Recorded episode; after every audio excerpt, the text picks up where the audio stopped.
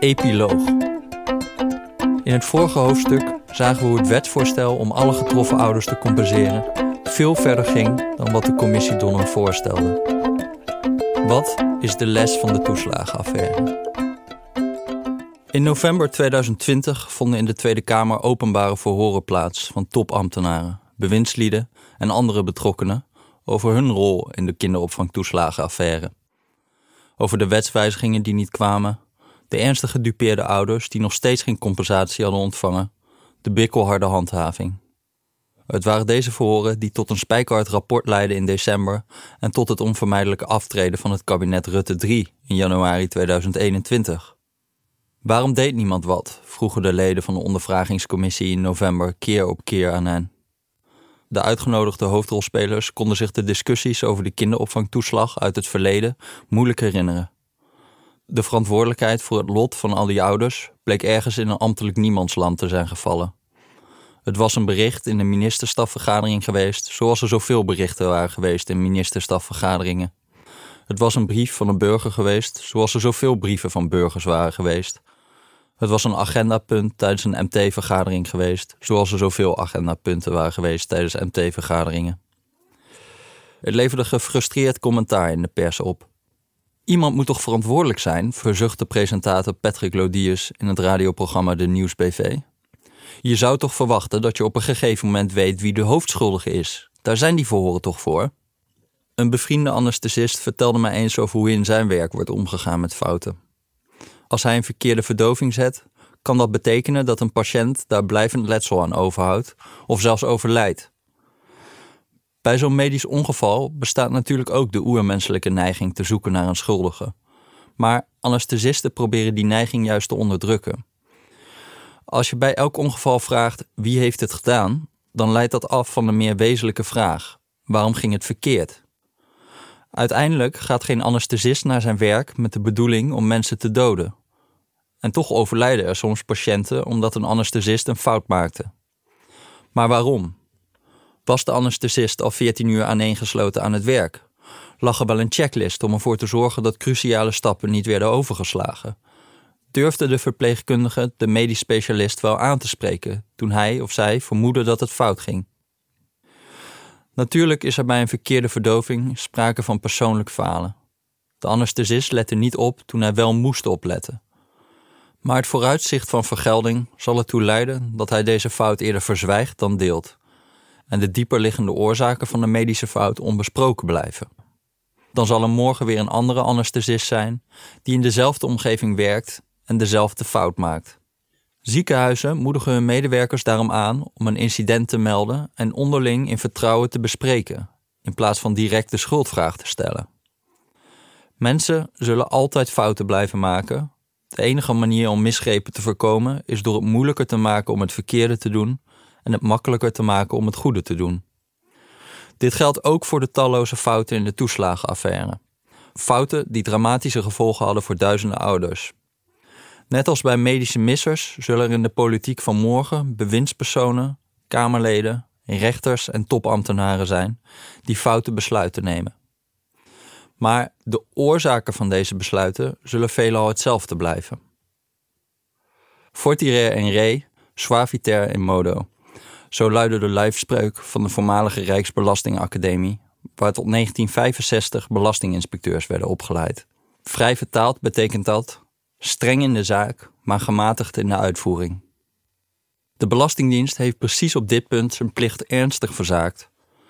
Na de invoering van het toeslagenstelsel in 2005 bleek dat sommige ouders hun grootouders lieten oppassen op de kinderen, daarvoor kinderopvangtoeslag aanvroegen en de opbrengsten verdeelden. Daarbij ontstond geregeld twijfel over het aantal opvanguren dat door ouders werd opgegeven. Waren de kinderen wel echt zoveel bij oma? Om misbruik van de kinderopvangtoeslag te bestrijden, koos de directie van de afdeling toeslagen in 2009 bewust voor een strenge uitleg van de wet en regelgeving zonder grijstinten. Als iemand een deel van de kinderopvangkosten niet had voldaan, dan moest hij alle kinderopvangtoeslag terugbetalen, de zogenoemde alles of niets benadering.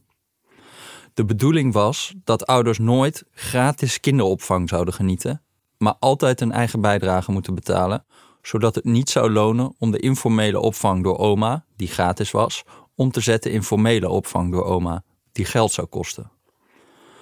Daarbij is de Belastingdienst elke verhouding tussen vergrijp en vergelding verloren. In één extreem geval moest een ouder die 190 euro aan opvangkosten niet had betaald, maar liefst 18.000 euro aan toeslag terugbetalen. Er was geen enkele gematigdheid in de uitvoering. Integendeel, de afdeling toeslagen heeft zich onder publieke druk laten verleiden tot steeds strengere handhaving. Waarom ging dit zo vreselijk verkeerd? De context waarbinnen de Belastingdienst werkt maakt het niet eenvoudig om zijn taak zorgvuldig uit te voeren. Met minder dan duizend ambtenaren moet de afdeling toeslagen van de Belastingdienst miljoenen mensen van toeslagen voorzien. De toeslagaanvragen van ouders zijn een klont variabelen met een burgerservice-nummer op een lopende band. De meeste belastingdienstmedewerkers zijn slechts een radertje in dit grotendeels geautomatiseerde proces.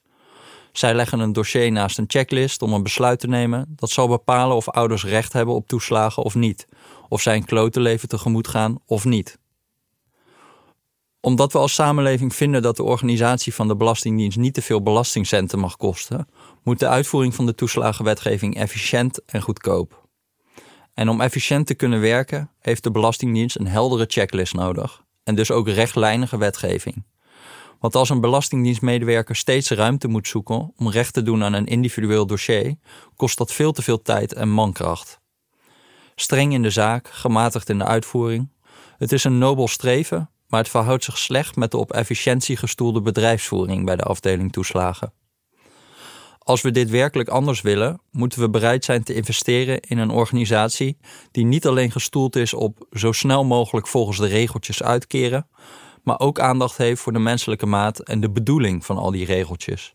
Die cultuurwijziging kost niet alleen geld, het zal ook tijd en moeite kosten om ingesleten patronen te doorbreken. Wat het voor de Belastingdienst eveneens knap ingewikkeld maakt om toeslagaanvragen zorgvuldig te beoordelen, is dat het maatschappelijk gemoed om de zoveel jaar omslaat. Op het ene moment wordt er om harde handhaving gevraagd en dan weer om soepele dienstverlening. Maar als het efficiënt moet, is het de vraag wat zorgvuldig beoordelen inhoudt. Bij de invoering van het toeslagenstelsel in 2005 moest de toeslagentrein vast gaan rijden terwijl de rails nog werden gelegd. Er lag een brak ICT-systeem dat niet deed wat het moest doen. Vervolgens waren er klachten vanuit de Tweede Kamer over de gebrekkige uitvoering. Eerst duurde het te lang voordat de toeslagen werden uitgekeerd. Toen moest er snel worden uitgekeerd, waarna weer bleek dat het te snel was uitgekeerd aan mensen die achteraf geen recht hadden op toeslag. Daarna kwam de Bulgarenfraude van 2013, waarbij de Belastingdienst als een naïeve club werd afgeschilderd die geld bleef overmaken aan evidente fraudeurs. Het maatschappelijk gemoed sloeg weer om. De afdeling toeslagen kreeg de opdracht om strenger te handhaven. En dus richtte de Belastingdienst zijn pijlen ook op dat andere fraudegevoelige dossier, de kinderopvangtoeslag. Waarom was het bestrijden van fraude met de kinderopvangtoeslag zo lastig? Dat kwam vooral doordat de regeling, waarbij familieleden eenvoudig gastouder konden worden, nog erg misbruikgevoelig was en de Belastingdienst maar weinig gegevens ter beschikking had op basis waarvan een oordeel over een toeslagaanvraag moest worden geveld. Probeer als fiscus maar eens aan te tonen dat een kind helemaal geen 230 uur per maand bij oma aanwezig is. Zelfs een huisbezoek van een belastinginspecteur zal slechts leren dat er op die ene dag geen kind aanwezig is, nog niet dat de gehele toeslagaanvraag frauduleus is. In een politieke sfeer waarin voortdurend wordt aangedrongen op het bestrijden van misbruik, bestaat het gevaar dat de Belastingdienst al bij een vermoeden van misbruik de kleinste fouten aangrijpt om het gehele recht op toeslag te ontzeggen. Er werd dan ook een nieuw team opgericht om misbruik tegen te gaan. Het combi-team aanpak facilitators. In de praktijk hadden ouders nauwelijks de mogelijkheid te ontsnappen aan de strenge beoordeling van kafzaken door de afdeling toeslagen. Als de beoordelaars bij toeslagen geloofden dat ouders fout zaten, dan was er gezien de strenge uitleg van de wet bijna altijd wel een foutje in het dossier te vinden. Een fout was namelijk snel gemaakt, aangezien de voorwaarden voor kinderopvangtoeslag voor de geoefende jurist al niet makkelijk waren te doorgronden, laat staan voor een ouder die geen rechtenstudie had doorlopen. Dat de wetgeving zo hardvochtig uitpakte, drong niettemin door tot de werkvloer van de Belastingdienst. De afdeling toeslagen trok meerdere keren aan de bel bij het eigen directoraat-generaal Belastingdienst en bij het ministerie van Sociale Zaken en Werkgelegenheid. Het contact tussen de afdeling toeslagen en de ministeries verliep alleen langs lange ambtelijke lijnen, waardoor deze signalen aan urgentie verloren. En ook al lag duidelijk op tafel dat ouders die weinig misdaan hadden, gigantische terugvorderingen van kinderopvangtoeslag kregen, de ministeries deden er toch niets mee, omdat zij zo hun eigen prioriteiten hadden. Na 2015 zou het onderwerp niet meer ter sprake worden gebracht door de directie van de afdeling toeslagen. Hoe was dit mogelijk? Als het harde optreden tegen ouders zoveel buikpijn opleverde, zoals topambtenaren van de Belastingdienst verklaarden tijdens de verhoren, waarom verstomden hun geluiden dan na 2015? Waarom bleef men niet keer op keer op keer tot vervelens toe bij de ministeries aangeven dat het misging? Waarom besloot niemand van de Belastingdienst om buiten de hiërarchische lijntjes te kleuren, de pers in te lichten of een Kamerlid te bellen? Er bestaat bij ambtenaren een hardnekkige neiging om afwachtend naar boven te kijken. U moet het maar zeggen. Alsof die mensen boven hen altijd zo goed weten wat er nodig is. Laten we niet vergeten dat ambtenaren naast een loyaliteit aan de ambtelijke lijn ook een loyaliteit aan de samenleving horen te hebben. De top van de Belastingdienst en de ministeries kunnen helpen deze loyaliteit aan de samenleving te vergroten door tegengeluiden van hun ambtenaren te verwelkomen. Daarnaast moeten we het niet de hele tijd over de schuldvraag hebben. Als elk probleem rond de Belastingdienst ontaart in een stoelendans van schuld, ontstaat namelijk een verdedigende houding van ambtenaren in plaats van dat zij meedenken over de vraag waarom het fout ging. Dit geldt natuurlijk ook voor de ambtenaren op de ministeries. Het is duidelijk dat het ministerie van Sociale Zaken en Werkgelegenheid en het ministerie van Financiën ernstig hebben gefaald in de toeslagenaffaire. Hoewel er na de val van het kabinet veel plechtige analyses rondgingen over het failliet van het toeslagenstelsel, is de harde waarheid dat er geen ingrijpende stelselwijziging nodig was om de toeslagenaffaire te voorkomen. Met een betrekkelijk kleine reparatie in de wet kinderopvang, die over de voorwaarden voor kinderopvangtoeslag gaat, of in de Algemene Wet inkomensafhankelijke regelingen, die over de uitvoering van toeslagenwetgeving gaat, was het al opgelost. Helaas hebben ministeries niets gedaan met de ernstige signalen die de Belastingdienst afgaf. De Belastingdienst liet duidelijk weten dat ouders de vernieling ingingen vanwege kleine foutjes. Maar deze berichten gingen verloren in de stroom van dagelijkse werkzaamheden. Politieke prioriteiten kregen voorrang. Bij het ministerie van Sociale Zaken en Werkgelegenheid waren de ambtenaren bezig met een totaaloplossing voor het kinderopvangtoeslagvraagstuk. Dat was de directe financiering, een stelselwijziging waardoor de kinderopvangtoeslag zou moeten verdwijnen en waar het nooit van is gekomen. Ondertussen probeerden de ambtenaren ook hun minister uit de wind te houden door niet te soft te zijn tegen fraude. De animo voor een kleine wetswijziging ten gunste van ouders was daardoor beperkt binnen het ambtelijk apparaat van sociale zaken. En zo is er nooit een helder beslismemo voorgelegd aan minister Lodewijk Asscher over de gevraagde alles of niets benadering. De ambtenaren op het ministerie van Financiën hebben eveneens verzaakt. Het is het Directoraat-Generaal Fiscale Zaken dat gaat over de Algemene Wet Inkomensafhankelijke Regelingen. Uiteindelijk is pas in oktober 2019, na overleg tussen de twee ministeries, gekozen voor het invoegen van een zogenoemde algemene hardheidsclausule in deze wet als oplossing voor de alles of niets benadering. Een algemene hardheidsclausule geeft de Belastingdienst de mogelijkheid om af te wijken van de wet wanneer de uitkomst anders evident onredelijk is, zoals bij kleine foutjes die tot grote terugvorderingen leiden. De optie om een hardheidsclausule in te voegen is in voorgaande jaren nooit op tafel gekomen. Ambtenaren op het ministerie van Financiën bleven wachten op de ambtenaren van het ministerie van Sociale Zaken en Werkgelegenheid, terwijl ze zelf ook de sleutel in handen hadden. Op het ministerie van Financiën mag men zich afvragen waarom de optie om een hardheidsclausule in te voegen niet eerder op tafel is gekomen. In de openbare verhoren van november 2020 toonden bewindspersonen zich verbaasd over de harde uitvoer die ambtenaren hadden gegeven aan hun bedoelingen. Die verbazing is begrijpelijk, maar ook een makkelijke manier om verantwoordelijkheid te ontlopen. Staatssecretaris Frans Wekers wilde natuurlijk niet dat gezinnen de vernieling ingingen. Toen hij vlak na de Bulgarenfraude een speech gaf aan honderden medewerkers bij de afdeling toeslagen, waarin hij verkondigde dat alles op alles moest worden gezet om misbruik tegen te gaan. Lodewijk Asscher wenste ouders natuurlijk niet de vernieling in toen hij herhaaldelijk in Kamerdebatten aangaf dat gratis kinderopvang niet bestaat. En nee, Mark Rutte hoopte ook niet op de financiële doodstraf voor alleenstaande moeders toen hij in de opeenvolgende kabinetten Rutte 1 en Rutte 2 fraudebestrijding hoog op de agenda zette. Maar deze bewindspersonen moeten beseffen dat ambtenaren erop gericht zijn om concrete invulling te geven aan de uitspraken van hun bewindspersonen. Rutte, Ascher en Wekers hebben bij herhaling duidelijk gemaakt dat ze weinig erger vinden dan iemand die ten onrechte een uitkering ontvangt. Als er dan keuzes gemaakt moeten worden in het ambtelijk apparaat, zal de balans doorslaan in de richting van streng, strenger, strengst. Er rust natuurlijk ook een verantwoordelijkheid op de schouders van ambtenaren om niet louter omhoog te kijken, maar ook opzij, naar de samenleving. Zij moeten de dilemma's van het beleid blijven voorleggen aan hun bewindspersonen. Tegelijkertijd rust er ook een zware verantwoordelijkheid op de schouders van een premier, een minister en een staatssecretaris om zich voorzichtig uit te drukken. Om niet door te slaan in stoere bewoordingen, omdat je daadkrachtig wilt reageren op het laatste nieuws. Ook in de reactie op de toeslagenaffaire zijn deze patronen weer terug te zien. Bewindspersonen slaan door in daadkrachtig optreden dat maatschappelijke behoeftes moet bevredigen, waarmee ze meer kapot maken dan oplossen. Zo werd in januari 2020 door minister Wopke Hoekstra van het CDA gehaast besloten tot het opknippen van de Belastingdienst om deze beheersbaar te maken, terwijl er geen gedegen vooronderzoek was naar de vraag of deze ingreep zou helpen.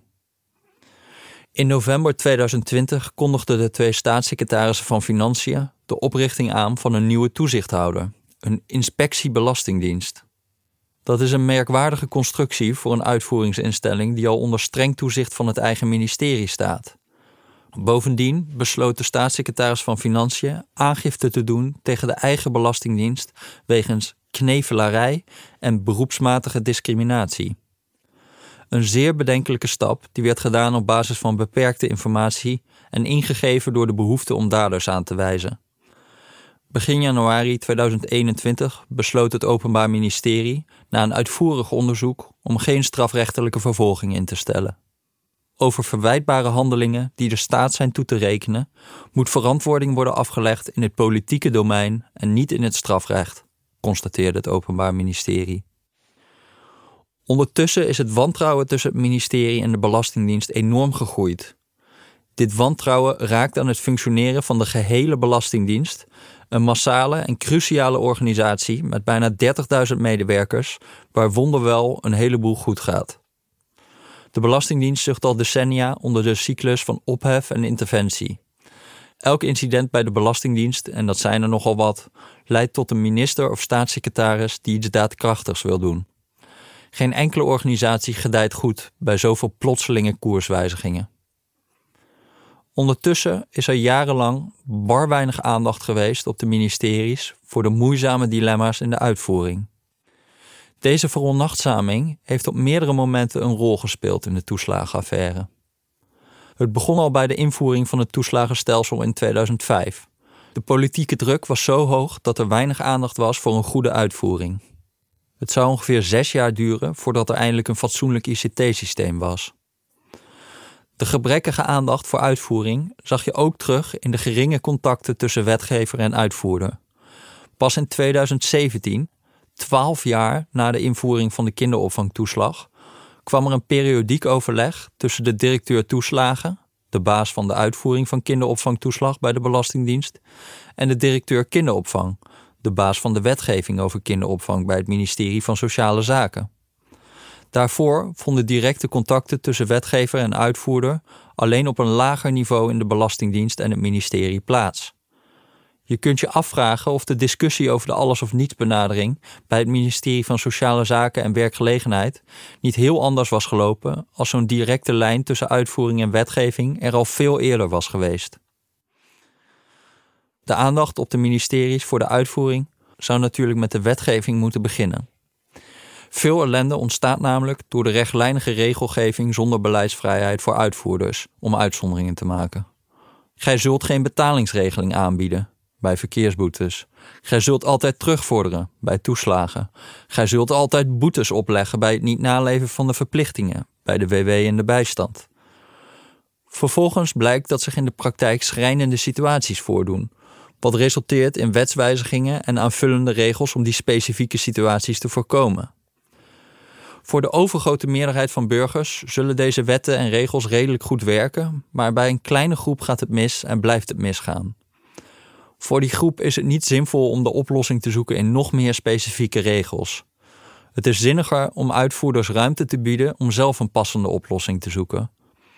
Deze bewegingsruimte kan ontstaan door niet alles in moet-bepalingen, het bestuursorgaan moet terugvorderen, maar in kan-bepalingen, het bestuursorgaan kan terugvorderen, te gieten. Die ruimte kan ook ontstaan door hardheidsclausules in de wet op te nemen, waarbij de wetgever kan aangeven in welke gevallen afgeweken mag worden van de wet. Bij het verlenen van een bijstandsuitkering mag dit bijvoorbeeld bij een dringende reden. Een verder strekkende mogelijkheid zou zijn om in artikel 3, paragraaf 4, eerste lid van de Algemene Wet Bestuursrecht het zinsdeel naar de komma te schrappen. Er staat: het bestuursorgaan weegt de rechtstreeks bij het besluit betrokken belangen af, voor zover niet uit een wettelijk voorschrift of uit de aard van de uit te oefenen bevoegdheid een beperking voortvloeit. Deze wet staat momenteel niet toe dat uitvoerders en rechters de belangen van burgers afwegen als een andere wet expliciet voorschrijft dat de regels op een bepaalde manier moeten worden uitgevoerd. Bijvoorbeeld, als de wet zegt dat ouders altijd verantwoordelijk zijn voor de juistheid van de aanvraag van toeslagen, dan is dat ook zo. Zelfs als iemand net is bevallen van een kind, opgelicht is door haar kinderopvanginstelling en uit haar huis dreigt te worden gezet. Het schrappen van die bepaling zou het mogelijk maken om zelfs de expliciete tekst van de wet te negeren als hiermee een hoger doel wordt gediend. Op deze manier kunnen burgers, als ze het aan de stok hebben met de overheid, altijd terugvallen op een vraag die iedereen begrijpt. Is dit nou redelijk? Want dat laat de toeslagenaffaire vooral zien. Dat er op ministeries te weinig rekening wordt gehouden met de werkelijkheid van de burger. Dikwijls gaan wetten en regels uit van een calculerende burger die na een diepgravende kostenbatenanalyse zijn beslissingen neemt. Vandaar harde boetes wanneer een vrouw in de bijstand zit en zij de sociale dienst niet meldt dat haar moeder haar soms wat boodschappen toestopt. Vandaar een alles of niets benadering waarbij een ouder alle toeslagen moet terugbetalen als er een klein deel van de eigen bijdrage niet is betaald. Wie zou het bij zulke regels immers nog in zijn hoofd halen om boodschappen te ontvangen van zijn moeder? of zijn eigen bijdrage niet te betalen. Maar echte mensen zijn geen calculerende robots. Het is volstrekt onrealistisch om te denken dat burgers alles maar snappen, narekenen en opvolgen. Dit toont zich ook in de bakken met formulieren die de wetgever over hen uitstort.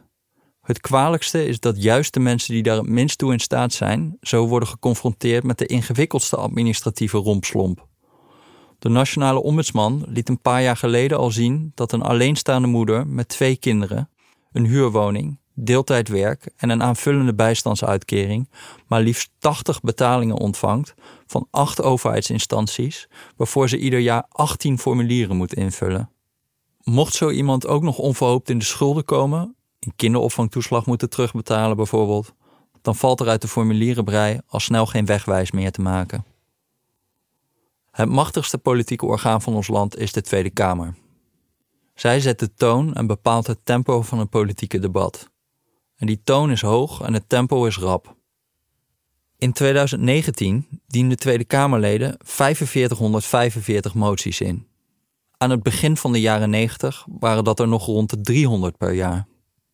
Er werden vorig jaar 3076 schriftelijke Kamervragen gesteld, met nog eens 1275 aanmeldingen voor mondelinge vragen, waarvan er slechts 131 behandeld konden worden.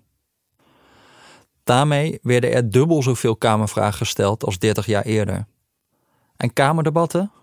De agenda is ontploft, constateerde Kamervoorzitter Khadija Ariep in haar speech voor het zomerreces van 2019. Er staan inmiddels zoveel debatten op de agenda dat Kamerleden zelf nog wel eens verrast worden door wat ze op die lange lijst aantreffen. Zo vroeg Lammert van Raan, Kamerlid voor de Partij van de Dieren, op een goed moment een debat aan over de stijging van de zeespiegel. Vergetende dat het debat al op de agenda stond dankzij een verzoek van het Kamerlid Lammert van Raan. Wat verklaart die explosie aan parlementaire activiteit? Ariep wijt het aan de toegenomen zucht naar zichtbaarheid onder Kamerleden. Een Kamerlid dat zegt: Ik heb nog geen mening, ik ga eerst het rapport eens bestuderen, daar zit geen journalist op te wachten, Duitse. Zo greep de voltallige oppositie in mei 2013 de Bulgare fraude aan om staatssecretaris Frans Wekers aan te vallen op zijn slappe antifraudebeleid.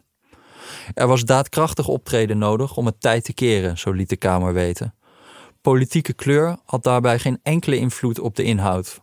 Of de Bulgare fraude ernstig of zeer ernstig was, lag vooral aan de vraag of je van de coalitie of de oppositie was. Belangrijke vragen als hoe groot is dit nou en wat zouden de nadelen kunnen zijn van strenge optreden werden overgeslagen. De hakkelende bewindspersoon kon vertrekken. Mooie televisie, maar wat was er nou bereikt? Hardere wetgeving, 25 miljoen euro voor extra controlemedewerkers bij de afdeling toeslagen en een sterk gevoelde noodzaak binnen de Belastingdienst dat elke schijn van misbruik moest worden aangepakt. En waarom? De Bulgare fraude ging om 3,8 miljoen euro in een periode dat er 68 miljard euro aan toeslagen was uitgekeerd. 0,006% van alle toeslagen. De interventies hebben dramatische gevolgen gehad voor duizenden ouders en daar hebben Kamerleden bij hun roep om een harder fraudebeleid in de tijd geen moment bij stilgestaan. Kamerleden voerden oppositie, maar leken niet erg geïnteresseerd in waar het schip vervolgens zou stranden. In diezelfde periode raakten de signalen dat ouders zwaar in de problemen kwamen ondergesneeuwd. Programma's als Radar brachten de kwalijke gevolgen zo nu en dan in beeld. Er volgden kamervragen, die werden netjes beantwoord en daar bleef het dan bij. Toen Kamerlid Tjitske Siderius van de SP in maart 2016 een zeldzame motie op dit onderwerp indiende om slechts de eigen bijdrage terug te vorderen bij gedupeerden van kinderopvang De Parel, stemde een overweldigende Kamermeerderheid van CDA, ChristenUnie, D66, GroenLinks, PvdA en VVD tegen. Ik geloof niet dat de tegenstemmende Kamerleden dat deden omdat ze ervan overtuigd waren dat ouders moesten bloeden voor kleine foutjes. Het was één motie tussen duizenden. Het waren een paar Kamervragen tussen duizenden. Waarschijnlijk hadden de tegenstemmende Kamerleden amper over deze motie nagedacht, terwijl achter deze Kamervragen en achter deze motie nu juist iets wezenlijks schuil ging. Was de Kamer, inclusief ikzelf, ook niet ziende blind en horende doof bij de signalen dat er zich een drama voltrok, schreef Siderius eind 2020 in een column in Trouw. Heeft het parlement wel de telefoon gepakt toen ze e-mails ontvingen van wanhopige ouders? Sloegen de Kamerleden wel aan op de koude invorderingscijfers van de Belastingdienst? Het probleem is, Kamerleden krijgen applaus wanneer ze verontwaardigd reageren op het voorpagina nieuws van die dag. Terwijl het akelig stil blijft wanneer ze in een debat een amendement indienen over een hardheidsclausule. De druk om in de belangstelling te komen is enorm. Een Kamerlid dat niet zo nu en dan voor de camera's verschijnt, dreigt lager op de kandidatenlijst te komen. Sociale media als Twitter, waar een Kamerlid gelijk merkt als hij positief dan wel negatief in de belangstelling staat, voeren de druk nog verder op. Maar wat levert al die profileringszucht op? Moties, Kamervragen en ja, misschien ook kiezers. Maar wat blijft er over van de kerntaken van Kamerleden? Het controleren van de regering en het medewetgeven. Het resultaat van de profileringszucht is een verschraald debat waarin de Kamer oplossingen eist voordat de oorzaken van de problemen in kaart zijn gebracht. Waar Kamerleden niet willen horen dat er soms al aan oplossingen wordt gewerkt, maar ze nog even geduld moeten hebben. Waar Kamerleden kritisch zijn terwijl ze eigenlijk nog niet snappen wat er op het spel staat. Wie praat met individuele Kamerleden zal vaak horen dat zij dit ook zo zien. Dat roept de vraag op: waarom werkt het in de praktijk dan zo anders? Waarom is het toch zo moeilijk om hoofd- en bijzaken te scheiden? In 2009 verscheen er een rapport waarin de Tweede Kamer aan parlementaire zelfreflectie deed. De aanbevelingen in het rapport luiden onder meer minder spoeddebatten, minder incidentenpolitiek, meer wetgevende overleggen, meer focus op de uitvoerbaarheid van wetgeving. Na de publicatie klonken instemmende geluiden in de pers en de politiek, waarna de karavaan van Kamerleden en journalisten weer verder trok. De voornemens van de Tweede Kamer bleken even duurzaam als die van de verstokte roker die op 2 januari toch maar weer een peuk opsteekt. Het punt is natuurlijk dat hoofd- en bijzaken scheiden heel moeilijk is in de praktijk. Een Kamerlid zal zeggen: wetgeving, heel belangrijk, incidenten, onbelangrijk. Maar niet dit incident. Dit incident is wel heel belangrijk. Maar zelfs bij een belangrijk incident is het belangrijk om de grote lijn en de grondoorzaken te ontwaren. Om het scherp te stellen, over de toeslagenaffaire zijn inmiddels duizenden Kamervragen gesteld. Vaak vanuit de diepgewortelde veronderstelling dat de regering te kwadertrouw informatie achterhield en houdt. Zelfs over het ongepubliceerde manuscript van mijn boek zijn twaalf Kamervragen gesteld.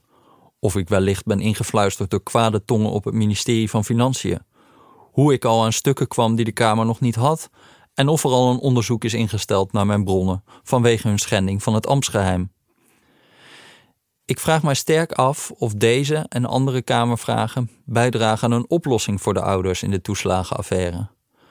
De overvloedige hoeveelheid informatie heeft het zicht op een oplossing eerder vertroebeld dan verhelderd. Bij herhaling gaf voormalig staatssecretaris Menno Snel bijvoorbeeld aan dat harde wetgeving en de interpretatie van die wetgeving door de Raad van State de kern van het probleem vormde bij grote terugvorderingen van toeslagen. Die harde wetgeving zat ook de compensatie van ouders in de weg. Ouders hadden namelijk formeel geen recht op kinderopvangtoeslag. Toch vielen de opmerkingen van Menno Snel niet in vruchtbare aarde bij de Kamerleden. Sterker nog, Renske Leijten van de SP en Pieter Omtzigt van het CDA ontkenden toen de toeslagenaffaire begon dat de harde interpretatie van de wet een oplossing in de weg zat.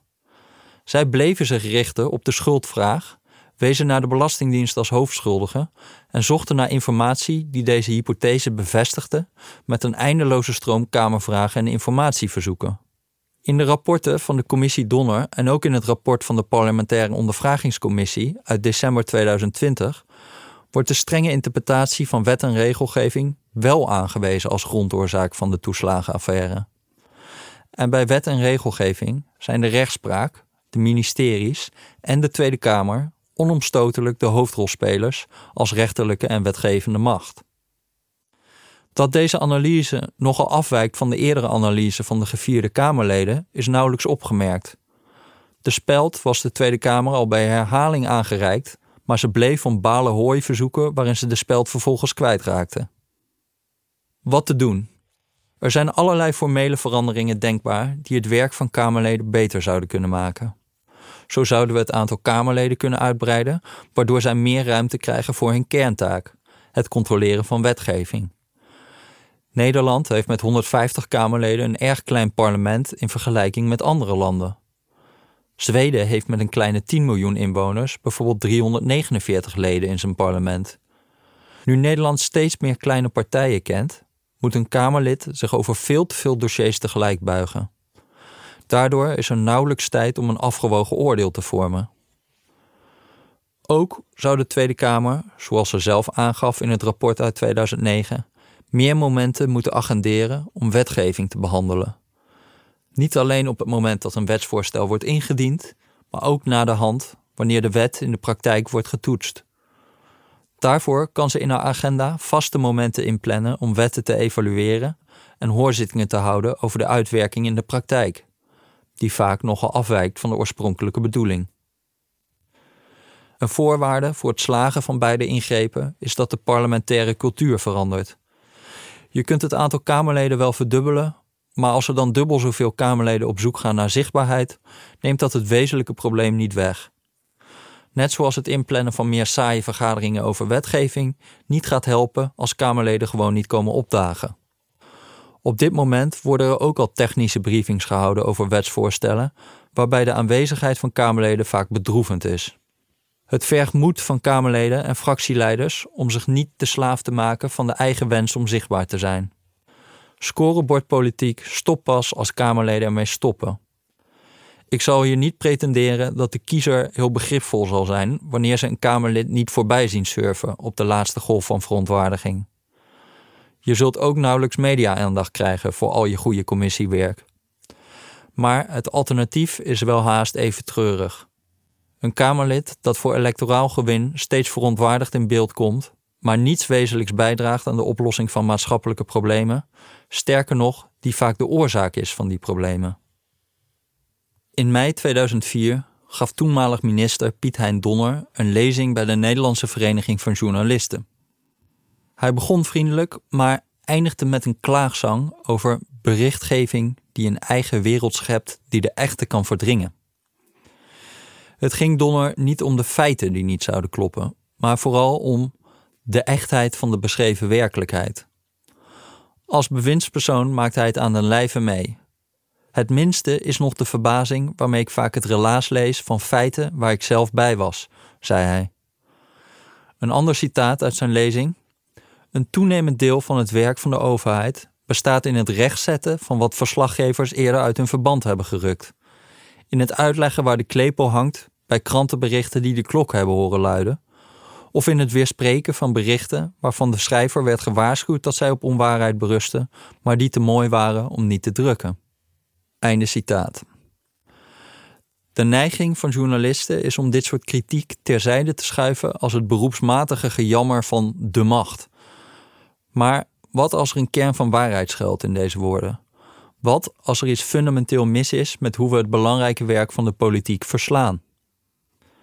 Bij veel politieke journalistiek kun je je afvragen: hoe weet je nou wie er wint als je niet weet wat er op het spel staat? De parlementaire pers specialiseert zich in de choreografie van de politiek. Hoe was Lodewijk Jesse te slim af? Vindt Carola Mark nog wel aardig? Is Menno te stijf? Oogt Wopke als een staatsman? De parlementaire behandeling van wetgeving krijgt daarentegen nauwelijks aandacht in de media. Slechts één op de vijf Nederlandse wetten krijgt meer dan één artikel in een landelijk dagblad, zo ontdekte politicoloog Lotte Melenhorst. Het maken van wetten en het maken van nieuws bevindt zich in verschillende werelden, schreef ze. Waarom krijgen sommige debatten over wetsvoorstellen dan wel aandacht in de media? Het antwoord is eenvoudig: ruzie. Als er conflict over een wet bestaat, dan is er wel aandacht voor de inhoud. Maar de overgrote meerderheid van de wetten gaat met unanieme stemmen door het parlement.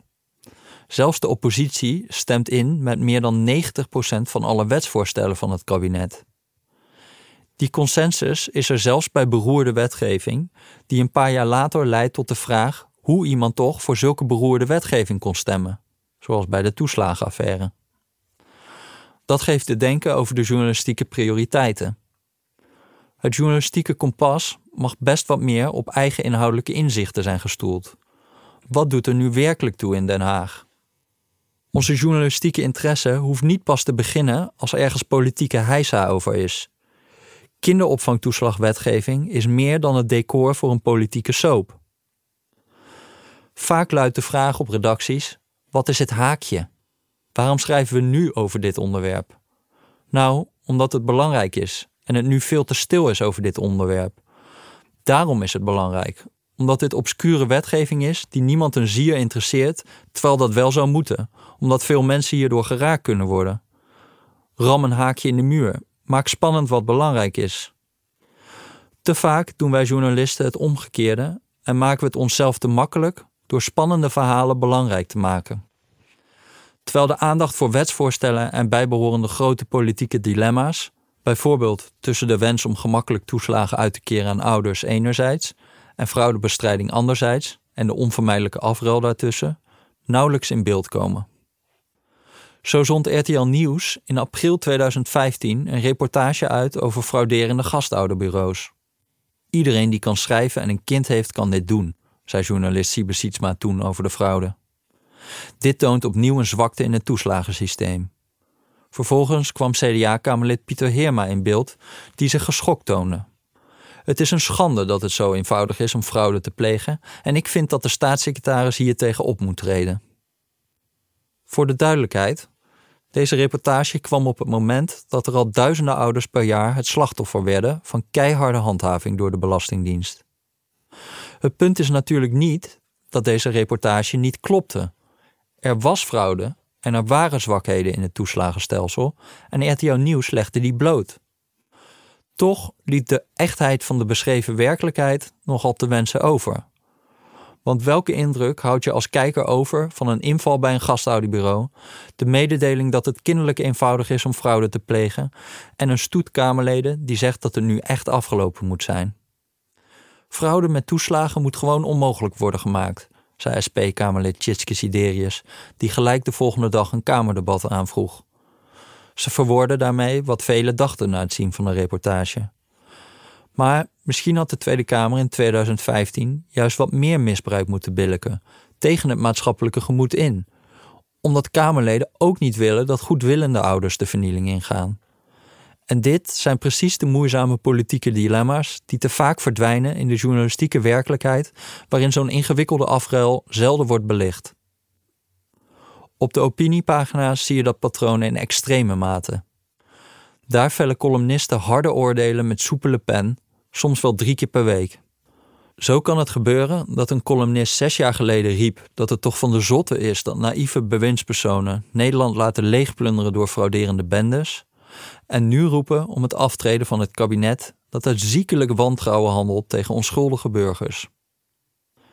We kunnen onszelf als journalisten en columnisten wel in een verantwoordelijkheidsvacuüm plaatsen en doen alsof we zelf geen macht hebben en alleen maar toekijken, maar dat is laf. Als wij journalisten de macht controleren, dan moeten we ook elkaar controleren. Een microfoon of een column die toegang geeft tot meer dan een miljoen potentiële kiezers is namelijk een machtig instrument.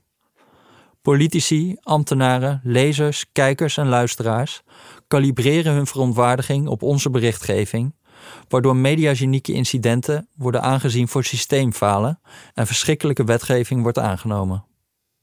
Uiteindelijk is veel van het hiervoor beschreven falen terug te herleiden naar ons eigen handelen. Wij, de kiezer, de kijker. Politiek en pers proberen onze aandacht vast te houden, onze stem te winnen, tegemoet te komen aan onze verlangens. Wij stemmen op politieke partijen vanwege hun overtuigingen, maar overtuigingen zijn overgewaardeerd. Uiteindelijk draait het niet om de overtuiging van een politicus, maar om het handelen naar die overtuiging. Een Tweede Kamerlid kan grootse verhalen afsteken over zijn strijd tegen het neoliberalisme, maar dit Kamerlid bereikt bar weinig met zijn nobele woorden wanneer hij of zij niet inziet dat het ontbreken van een hardheidsclausule in de Algemene Wet inkomensafhankelijke regelingen een levensgroot probleem voor velen is. Het zijn de dorre wetgevende details die bepalen of de burger een behoorlijke of een beroerde behandeling krijgt van de overheid. Politiek is langzaam en krachtig boren in harde planken. Maar laten we eerlijk zijn, niemand staat graag te kijken hoe iemand langzaam en krachtig in een harde plank boort. We zitten geboeid en geërgerd achter de televisie wanneer de vleugel van Thierry Baudet het kamergebouw in wordt getakeld en hij in zijn werkkamer een stukje Schubert speelt. Maar een gemankeerde wet die door het parlement wordt geleid op het moment dat er nog geen slachtoffers zijn? Saai. Een verhaal over de noodzaak van een hardheidsclausule ervaart de kijker in de regel als een bak drooggekookte broccoli. Hier, eet op, is goed voor je. Een stotterende staatssecretaris die moeilijk kan uitleggen waarom Bulgaren zich te goed doen aan Nederlandse toeslagen, trekt aanzienlijk meer bekijks. Maar op het moment dat bij diezelfde kiezer een blauwe brief op de mat ploft met de mededeling dat hij of zij tienduizenden euro's aan kinderopvangtoeslag terug moet betalen, is het erg hinderlijk dat er zoveel aandacht was voor vermakelijke irrelevanties als Baudet's vleugel en zo weinig voor een hardheidsclausule. Er gaat een diepe kloof tussen wat wij zeggen belangrijk te vinden en waar we in de praktijk op klikken en naartoe zeppen. Op 23 december 2020 gaf vertrekkend VVD-partijleider Klaas Dijkhoff een interview aan de Volkskrant.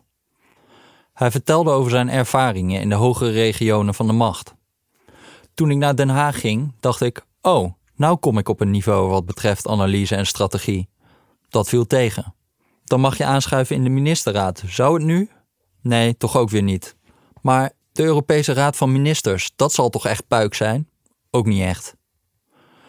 Een enorm arrogante opmerking van meneer Dijkhoff, kun je denken. Maar het punt is dat Dijkhoff steeds op plekken kwam waarover hij tijdens maatschappijleer had geleerd: daar gebeurt het. En dan bleken op die belangrijke plekken ook gewoon mensen te zitten. Geen halfgoden in donkere pakken die dossiers overzien als een schaakbord, maar mensen die net als de rest van ons wikken en wegen en improviserend op basis van gebrekkige kennis beslissingen nemen. Alleen beslissen deze mensen over de levens van miljoenen andere mensen. Ik kan me voorstellen dat het voor de macht soms nogal komisch is wat een onmenselijke mate van doelbewustheid hem wordt toegedicht. Zoals Dijkhoff in het interview zei: Het probleem in dit vak is dat er altijd iemand zal beweren dat er iets achter zit. In het politieke bedrijf wordt bovengemiddeld veel in complotten gedacht, maar de werkelijkheid is vaak platter. Wij, kijkers, kiezers, hebben dat misschien ook nodig. De maatschappelijke illusie dat er bij onze overheid altijd een plan is. Een slecht plan wellicht, maar in ieder geval een plan. Tijdens het schrijven van dit boek over de toeslagenaffaire hoopte ik ook regelmatig een plan aan te treffen. Op een goed moment had ik een van de ambtenaren opgespoord die namens de Belastingdienst gesprekken had gevoerd met het ministerie van Sociale Zaken en Werkgelegenheid over de alles of niets benadering. Eindelijk zou ik antwoorden krijgen. Dit was volgens mij ergens in 2016, begon deze ambtenaar over de gesprekken die in januari 2015 waren gevoerd. De moed zakte me in de schoenen. Van zijn gesprekken met het ministerie van Sociale Zaken en Werkgelegenheid kon hij zich weinig herinneren. Ja, dat de animo om de alles of niets benadering aan te passen beperkt was, wist hij nog wel. Het waren altijd gesprekken en marge, naast andere gesprekken geweest. Er waren een hoop vervelende klussen te klaren in de tijd, herinnerde hij zich, en dit was er slechts één van. Hij kon zich moeilijk voorstellen dat deze voetnoot in zijn werkende leven iets met het verhitte nieuws over kinderopvangtoeslagen te maken had. Nou, ik hoop dat je er wat aan had, besloot hij het gesprek. Ik had er wel wat aan, maar ik had op iets anders gehoopt. Ik had gehoopt dat hij maar exact kon vertellen wat Erik Wiebes wist en wat Lodewijk Asscher had besloten. Maar na dit gesprek besefte ik dat ik een orde probeerde te ontwaren, terwijl die er in werkelijkheid niet was geweest. Onze overheid is maar al te vaak als een groepje mensen dat richtingloos door de stad banjert, totdat iemand opeens vraagt: Weet iemand eigenlijk waar we heen lopen? Oh, ik dacht dat jij dat wist. Het werk van een politicus, een journalist, een ambtenaar kan sluipenderwijs veranderen in het najagen van electoraal gewin, het vullen van ronkende nieuwsitems en het gedachteloos afvinken van toeslagendossiers. En daar lopen ze dan, doelloos door de straten. Vrijwel niemand die zich dan nog afvraagt: waar gaat dit eigenlijk heen? De rechters, de Tweede Kamer, de ministeries, de bewindslieden, allemaal verzaakten ze in de toeslagenaffaire. Steeds viel het kwartje net de verkeerde kant op. Daarbij speelt ook een element van botte pech. Signalen kwamen op een verkeerd moment, op een verkeerde plaats. En dat maakt het allemaal nog veel tragischer.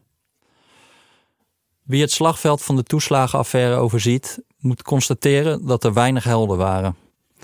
Dat veel van de spelers te makkelijk meedijnen op het maatschappelijk gemoed in plaats van zelf een koers te bepalen dat de ambtenaren, politici en journalisten de afkeuring schuwden en het applaus opzochten, en dat wij als kiezers en kijkers die afkeuring en dat applaus gaven.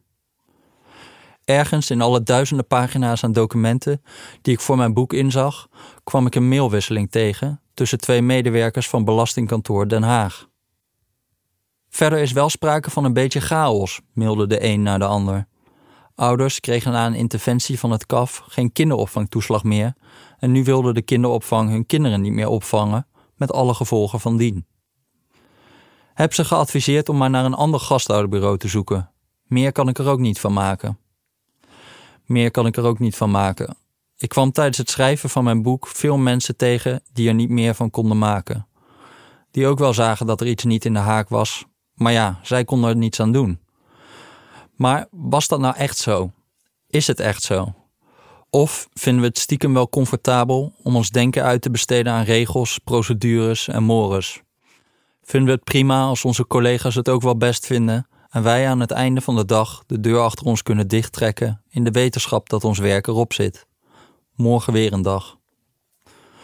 Ik wil best geloven dat deze medewerker achter een belastingbalie niet veel kon doen. Ik wil best geloven dat een journalist nu eenmaal nieuws maakt. Ik wil best geloven dat belastingdienstmedewerkers slechts de wet uitvoeren. Ik wil best geloven dat beleidsambtenaren gewoon hun taak verrichten, rechters recht spreken en Kamerleden politiek bedrijven. Maar wat kunnen we dan nog wel doen? beelden we ons niet te makkelijk allerlei beperkingen in omdat we bang zijn voor het ongemak. Ik moet vaak denken aan het Pontplein achter Amsterdam Centraal aan de Eioever. Wie hier voor het eerst komt, schrikt zich een ongeluk. Uit vier windrichtingen rijden scooters, fietsers, voetgangers en kanta's recht op elkaar af. Ooit stonden er stoplichten, verkeersborden, zebrapaden en bewegwijzering. Maar op een dag in oktober 2015 besloot de gemeente die te verwijderen. Wij gaan er een webcam op zetten, want deze regelvrije zone wordt een mega massagraf van een grote gemeentelijke fietsforensgenocide, schreef webblog Geen Stijl toen. Wij voorspellen dat die drie maanden en dertig doden later weer keurig overgeverfd wordt in kleuren die mensen begrijpen: fietspaden, trottoirs en zebrapaden. Een half jaar later bleek dat er iedere dag tienduizenden verkeersdeelnemers langskwamen en er vrijwel nooit iets misging. Een scooter maakt een boog om een stroom fietsers uit het pontje. Een voetganger trekt een sprintje om een inkomende bakfiets te vermijden. Een vrouw met kinderwagen wijkt uit voor een racende kanta. Het pontplein voelt als chaos en dat is precies de bedoeling. Juist door die chaos blijven we wakker, juist door die chaos blijven we nadenken. Maar dat gevoel van onveiligheid leidt toch steeds weer tot een roep om regels. Niet omdat die regels ons leven veiliger maken, maar omdat ze ons houvast geven in de chaos. Te vaak hopen we dat meer regels ons verlossing zullen bieden. Maar regels leven door de mensen die ze uitvoeren. Het zijn de mensen, veel meer dan de regels, die ervoor zorgen dat ons land niet piepend en krakend tot stilstand komt. Mensen die zich niet verschuilen achter regels omdat ze ons leven makkelijker maken, maar regels proberen te buigen tot ze weer recht zijn. Mensen die niet naar boven turen in afwachting van de verlossing, maar er zelf alles aan doen om onheil te voorkomen. Zelfs wanneer onze bazen en collega's om dat onheil lijken te verzoeken. Tijdens zijn aanvaardingsspeech voor journalist van het jaar 2019 vertelde de onderzoeksjournalist Pieter Klein van RTO Nieuws waar het volgens hem om draait in de journalistiek. Journalistiek gaat om onderzoek. Het is hinderlijk volgen, vragen stellen en niet loslaten. Een vraagteken, een los eindje. Lees de stukken. Lees tot je de patronen ziet tot het begint te rafelen. Dan begint de macht te spartelen en moet je doorvragen. Ik weet nog dat ik tegen Jan Klein Nijhuis zei: We gaan ze klem zetten, we gaan ze uitroken. Klein gaf zijn collega's een advies mee: Hunt them down, go get the bastards, publish and be damned. Jaag ze op, de klootzakken. De zaal vol journalisten klapte uitbundig. Ik ben me tijdens mijn onderzoek naar de toeslagenaffaire in toenemende mate gaan ergeren aan dit wereldbeeld. De veronderstelling dat achter alles wat misgaat bij de overheid een diepe doelbewustheid schuilt, is dat niet precies dezelfde vooringenomenheid die ons doet geloven dat iedere ouder die een fout maakt ook een moedwillige oplichter is. Natuurlijk bestaan er machtswellustige politici die ons voorliegen en cynische ambtenaren die ons belazeren. Het komt voor.